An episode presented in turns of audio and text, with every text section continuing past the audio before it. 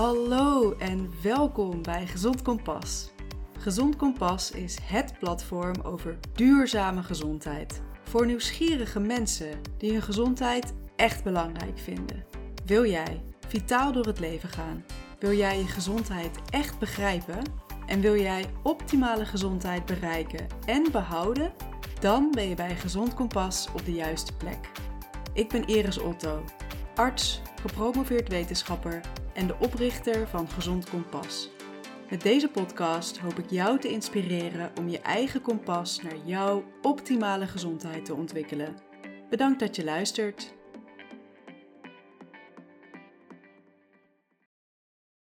Hallo allemaal en wat fijn dat jullie weer luisteren naar de Gezond Kompas podcast.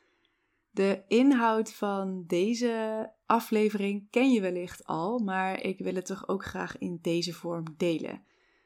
Voor het online platform Bedrock schreef ik namelijk een tweedelig artikel over self-care, wat een tijdje geleden online is gekomen.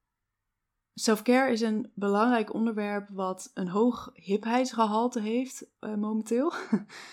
maar er zit een diepere betekenis onder. Want self-care betekent simpelweg zelfzorg. En zelfzorg gaat een stuk verder dan pleisters, vitaminepillen, voetenbadjes, relaxavondjes.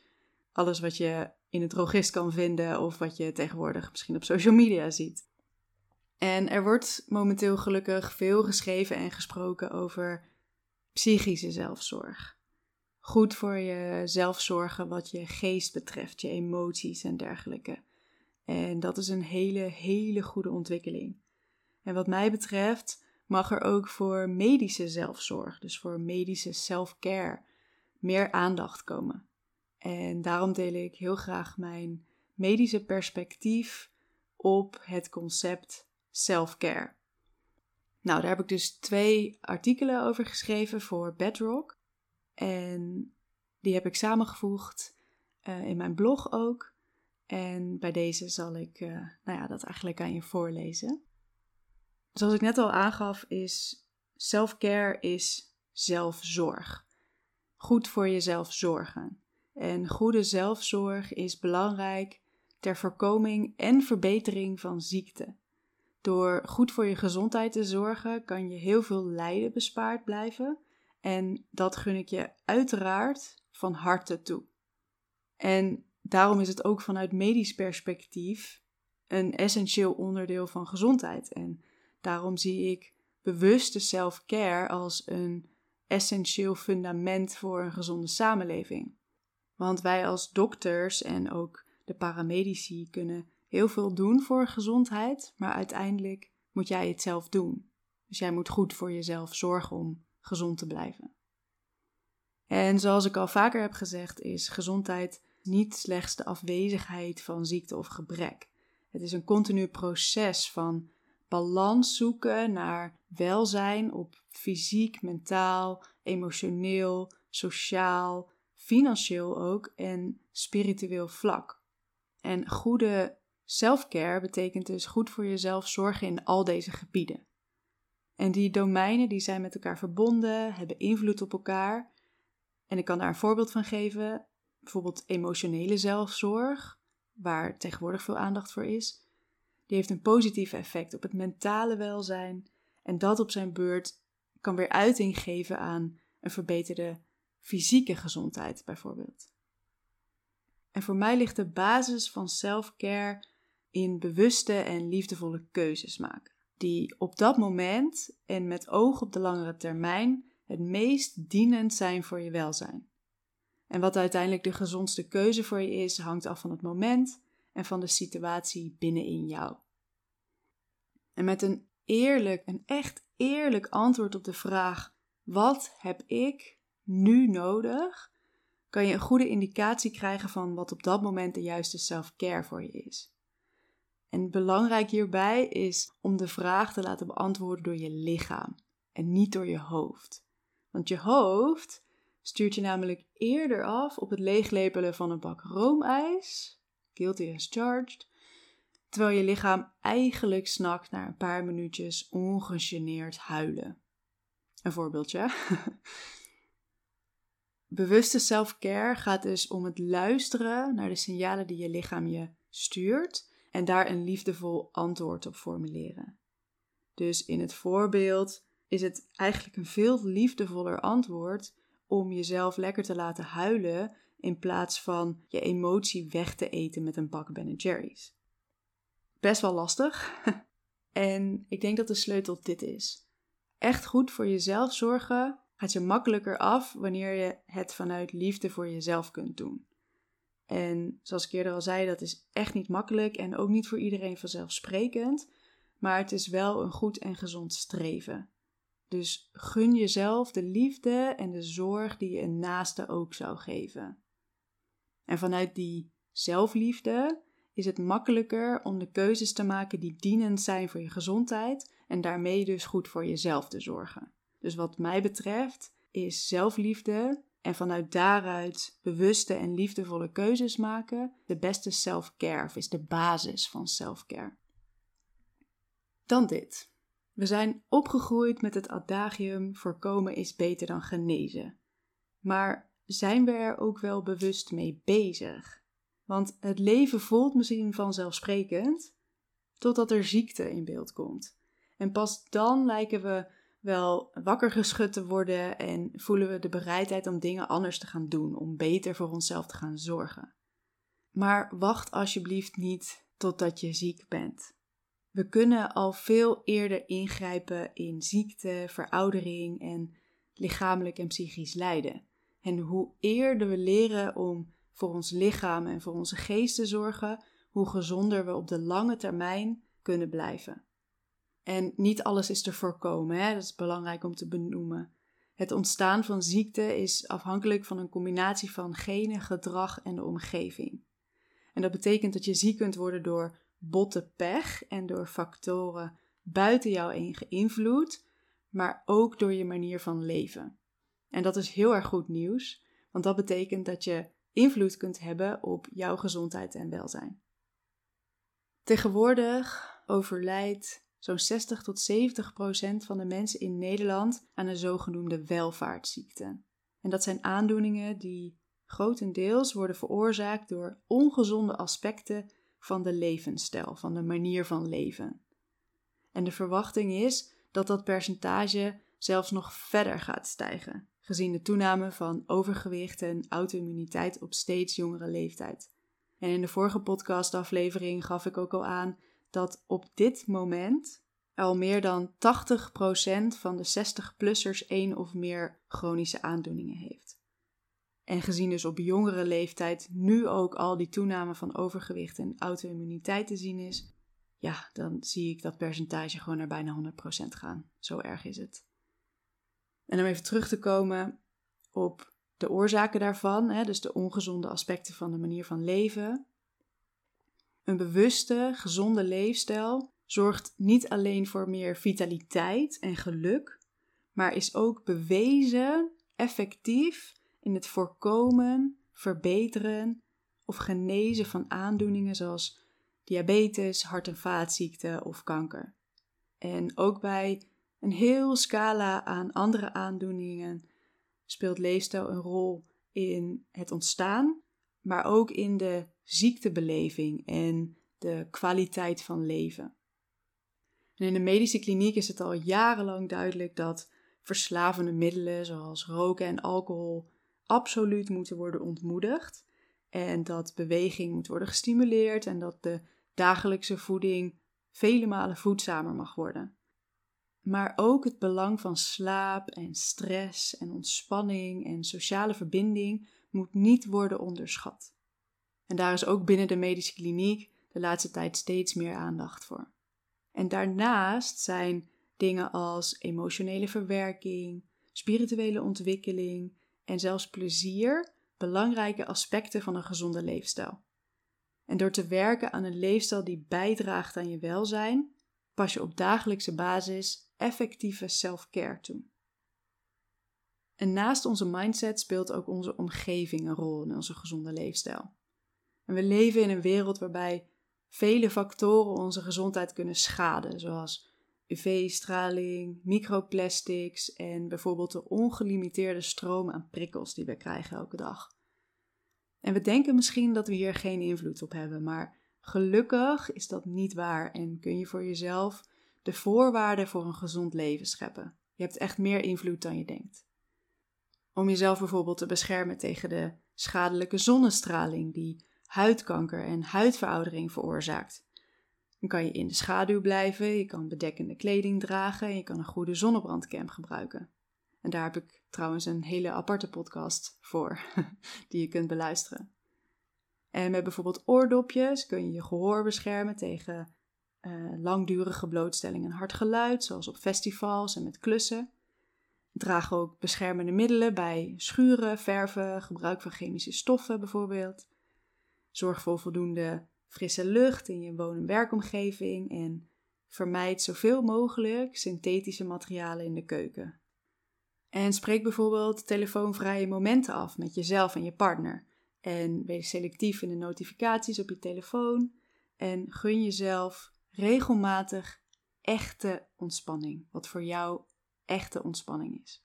En eerlijk gezegd is dat vaak niet die actiefilm kijken op tv, maar eerder een boek lezen of een wandelingetje maken bijvoorbeeld. En met dergelijke kleine acties en aanpassingen creëer je een gezonde en veilige omgeving voor jezelf. En als we het dan toch over een veilige omgeving hebben, wellicht overbodig, maar ik benoem het toch eventjes. Net zoals een gordel in je auto je leven kan redden, als je hem om hebt tenminste, kan het dragen van een helm en andere bescherming bij activiteiten zoals fietsen, skileren, snowboarden het verschil maken tussen springlevend en verwond of ernstiger. Dus ja, hoe saai het ook klinkt, dit soort preventie is ook 100% selfcare. Dan een stukje over jezelf monitoren. Doorgaans kom je pas bij een arts als er iets hapert in je gezondheid en welzijn. En de ziektezorg in Nederland is bijzonder goed en die weet er wel raad mee als er met jou uh, wat hapert en rammelt. Maar leuk is anders natuurlijk. En daarom is een vorm van selfcare ook om je gezondheid goed in de gaten te houden. Dus al voor je ziek wordt, zodat je er vroeg bij bent. Zodat er vroeg ingegrepen kan worden als je gezondheid de verkeerde kant op gaat. Vaak kan er in een vroeg stadium kan het nog omgekeerd worden of kan er nog helemaal voorkomen worden, terwijl als je al verder bent, dan kan het alleen nog maar een beetje opgelapt worden, maar kan het niet weer terugkeren naar een gezonde staat. Dus monitor jezelf door bijvoorbeeld zelf je gewicht, je buikomtrek, je bloeddruk te controleren. Lopen deze op, dan kan dat je risico op ziekte verhogen. En in dit kader kan goede zelfzorg betekenen dat je eerlijk en niet oordelend naar je eigen gezondheid en leefstijl kijkt. Wat doe ik aan beweging en wat eet ik, waardoor mijn gewicht en mijn buikomtrek zo oplopen. Dus stel jezelf deze vragen. Ga je verantwoord om met de gezondheid van je lichaam en geest? En ondersteunt jouw manier van leven op de langere termijn je welzijn? Zijn er punten waarop je je leefstijl kan aanpassen waardoor je je gezondheid kan verbeteren? Uiteindelijk heb jij zelf de regie over je gezondheid. Jij bent degene die het beste jouw welzijn kan monitoren. Want jij ziet jezelf en voelt jezelf elke dag. Dus self-care betekent dat je vanuit liefde voor jezelf en voor je leven je gezondheid in de gaten houdt. En daarbij is het belangrijk dat als er klachten ontstaan, dat je die niet negeert. Het loont om zaken als je huid, je ontlasting en voor vrouwen ook de borsten om die in de gaten te houden? Heb je plekjes op je huid die veranderen of die niet genezen of die makkelijk bloeden? Voel je een knobbeltje in je borst? Heb je bijvoorbeeld bloed bij de ontlasting of zit je regelmatig verstopt? Dat zijn allemaal signalen waarvoor je gewoon even naar de huisarts moet gaan. Trek aan de bel wanneer je gezondheid achteruit gaat. We hebben vaak de neiging om onszelf voorbij te lopen, want er lijken zoveel dingen belangrijker in het leven dan dat ene kleine klachtje. Want ik bedoel, ja, wat maakt het nou uit? Zo'n klachtje als een pijntje dat niet weg wil, darmproblemen die blijven opspelen, een onregelmatige menstruatie of niet meer goed kunnen concentreren. We vinden het wel vervelend, maar ons werk, ons sociale leven, onze relatie, etc., die staan doorgaans hoger op de prioriteitenlijst. Maar ongemerkt kan het ene kleine klachtje toch grotere gevolgen hebben, zoals een melanoom of borstkanker of darmontsteking. Dus neem de signalen van je lichaam serieus. Negeer ze niet. En onderzoek hoe je je klachten kunt verbeteren en onderneem actie om dat ook daadwerkelijk te doen. En daar kan je hulp bij krijgen. We zijn sterke, onafhankelijke mensen, maar we hoeven niet alles alleen te doen. En het is juist ook heel krachtig om om hulp te vragen en een vorm van self-care. Neem contact op met een arts of andere zorgverlener en zoek steun in je directe kring. Maak je klacht bespreekbaar, hoe groot of klein die klacht ook is. En ook of die nou lichamelijk is, of psychisch of emotioneel van aard is. Professionals kunnen je steunen en onderwijzen, coachen en behandelen. En wees ook niet bang om daarin je behoeftes of grenzen aan te geven en of vragen te stellen. Geef het bij je behandelaar aan als je iets oncomfortabel vindt of wat niet begrijpt, als je meer tijd of informatie nodig hebt, als je een uitleg nog een keer wil horen of als je het ergens niet mee eens bent. Goede communicatie gaat twee richtingen op en het gaat om jou en jouw gezondheid en jouw stem is daarin belangrijk. Dus zowel het hulp zoeken als ook jouw behoeftes aangeven bij je hulpverlener zijn allebei vormen van medische self-care of überhaupt self-care. Als we het dan verder over die medische self-care hebben, gaat het natuurlijk ook over preventieve medische onderzoeken. De geneeskunde is niet alleen gericht op genezen, want ook de medische wereld ziet de kracht van preventie. Dus preventie in de vorm van vaccinaties om ziekte te voorkomen, maar ook door ziekte in een vroeg stadium te signaleren en te behandelen. En of dat nou met een medische interventie is of met veranderingen in de leefstijl, het kan een ernstiger beloop van de ziekte voorkomen. En het is echt niet nodig om jezelf elk jaar helemaal door de medische molen te halen, want dat zorgt eerder voor onnodige stress en voor overbodige behandelingen. Maar het baat wel om klachten niet te lang te laten sudderen en om bepaalde veranderingen goed in de gaten te houden. Zo zijn er in Nederland verschillende bevolkingsonderzoeken waarbij specifieke groepen mensen preventieve diagnostiek wordt gedaan. En een voorbeeld hiervan is het bevolkingsonderzoek naar baarmoederhalskanker. Vrouwen vanaf 30 jaar krijgen elke vijf jaar een uitnodiging voor het maken van een uitstrijkje.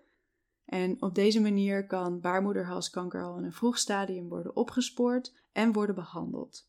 En een uiting van self-care is wat dat betreft ook daadwerkelijk gehoor geven aan die uitnodiging en een afspraak maken voor het uitstrijkje, ook al zie je er misschien tegenop. Maar ik kan je vertellen, het is het echt waard. En ook als je ziek bent, blijft het belangrijk om goede zelfzorg toe te passen. Bijvoorbeeld door aanpassingen te maken in je eet, beweeg en slaappatronen, door op tijd en op de geadviseerde manier je medicatie in te nemen, door jezelf te monitoren en door actief deel te nemen aan het behandelproces en de communicatie met je behandelaren. Goede self-care kan een ernstiger beloop van de ziekte voorkomen en je kwaliteit van leven, ondanks de aandoening, verhogen. Dus door goed voor jezelf te zorgen, zal je ongeacht je situatie je beter gaan voelen. En self-care zorgt voor een verbeterd welzijn, ook bij ziekte. Je gezondheid is een belangrijk fundament voor een lang en gelukkig leven.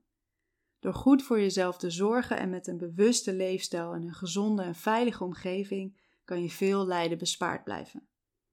En selfcare kan je op vele manieren toepassen en jij weet zelf het beste wat voor jou de juiste selfcare is. En met deze podcast wil ik je aansporen om je pijlen op je gezondheid te richten en bewuste keuzes te maken op het gebied van gezondheid, ziekte en preventie. Luister naar de signalen van je lichaam, verdiep je in betrouwbare kennis, laat je ondersteunen en maak je gezondheid een prioriteit.